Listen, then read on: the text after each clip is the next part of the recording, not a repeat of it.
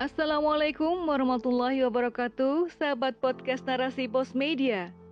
Narasi Pos, cerdas dalam literasi media, bijak menangkap peristiwa kunci. Belum lama ini telah terjadi pergeseran terkait dengan perayaan hari besar Islam, yaitu Maulid Nabi. Peristiwa ini bukanlah yang pertama kali terjadi. Ada apakah di balik ini semua? Untuk kelanjutannya, mari kita dengarkan bersama dalam rubrik opini dengan judul Balada Libur Maulid dan COVID-19 oleh Afia Rashad. Rabiul Awal adalah salah satu bulan perayaan Hari Besar Islam PHBI. Pasalnya, tanggal 12 Rabiul Awal diyakini sebagai hari kelahiran Rasulullah Muhammad SAW tercinta. Kaum muslim tiap tahun memperingatinya dengan penuh sukacita demi meneladani Nabi Muhammad SAW sebagai utusan Allah dan pembawa risalah Islam di dunia. Peringatan Maulid Nabi pun dijadikan sebagai hari libur nasional di negeri tercinta ini. Maulid kali ini adalah maulid kedua di masa pandemi. Namun, kondisi yang ada menunjukkan kasus harian yang semakin melandai.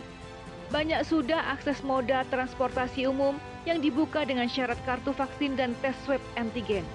Tempat wisata juga sudah banyak yang mulai beroperasi dan ramai pengunjung. Tak ketinggalan, mall, kafe, restoran, warung, dan sejenisnya boleh buka di jam yang telah ditetapkan. PTM terbatas pun mulai berjalan sejak awal Agustus. Sayangnya, libur maulid kini menjadi polemik. Pemerintah berniat menggesernya karena alasan antisipasi munculnya kasus baru COVID-19. Alasan klise munculnya klaster baru COVID-19 sangat memukul hati kaum muslim. Pasalnya, bukan hanya sekarang pemerintah menggeser hari libur nasional peringatan Hari Besar Islam, 1 Muharram 1443 lalu yang bertepatan dengan Selasa 10 Agustus 2021 digeser keesokan harinya Rabu 11 Agustus 2021. Padahal peringatan Hari Besar Islam seperti Maulid Nabi kali ini bukan semata agenda libur dan kumpul keluarga. Lebih dari itu, momen Maulid Nabi ini bisa digunakan oleh tiap muslim untuk menelaah dan mentadaburi kisah baginda Nabi sejak awal kelahiran beliau hingga wafatnya beliau. Bagaimana beliau Shallallahu Alaihi Wasallam ketika diutus menjadi seorang nabi dan rasul, berdakwah secara syiriah sembunyi-sembunyi di Mekah, melakukan taskif, pembinaan di rumah Arkom bin Abi Arkom, hingga membuat kutlah kelompok dakwah.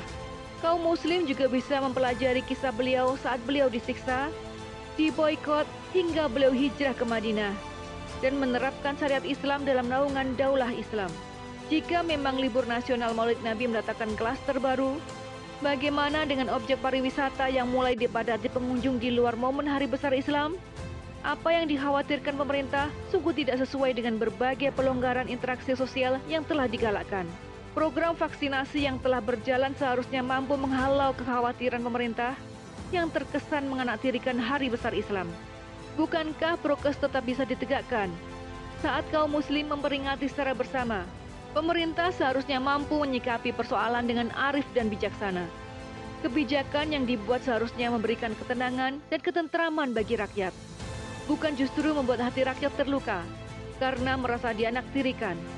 Pemerintah seyogianya memelihara dan mengakomodir semua urusan rakyat, termasuk urusan perayaan hari besar umat beragama. Edukasi dan sosialisasi protokol kesehatan harus dilakukan secara komprehensif dan berkala demi mencegah klaster baru.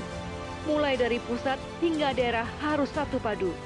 Sanksi administratif harus dijalankan dengan tegas bagi siapa pun yang melanggar, termasuk orang yang punya jabatan. Dengan demikian, maka kemunculan klaster baru saat peringatan Hari Besar Islam tak akan menjadi alasan. Pemerintah dan rakyat bisa bersinergi dalam memperingati Maulid Nabi. Kegelisahan dan kekhawatiran pemerintah akan munculnya klaster baru bisa diantisipasi dengan kesadaran rakyat dalam menegakkan protokol kesehatan. Bulu alam bisawar.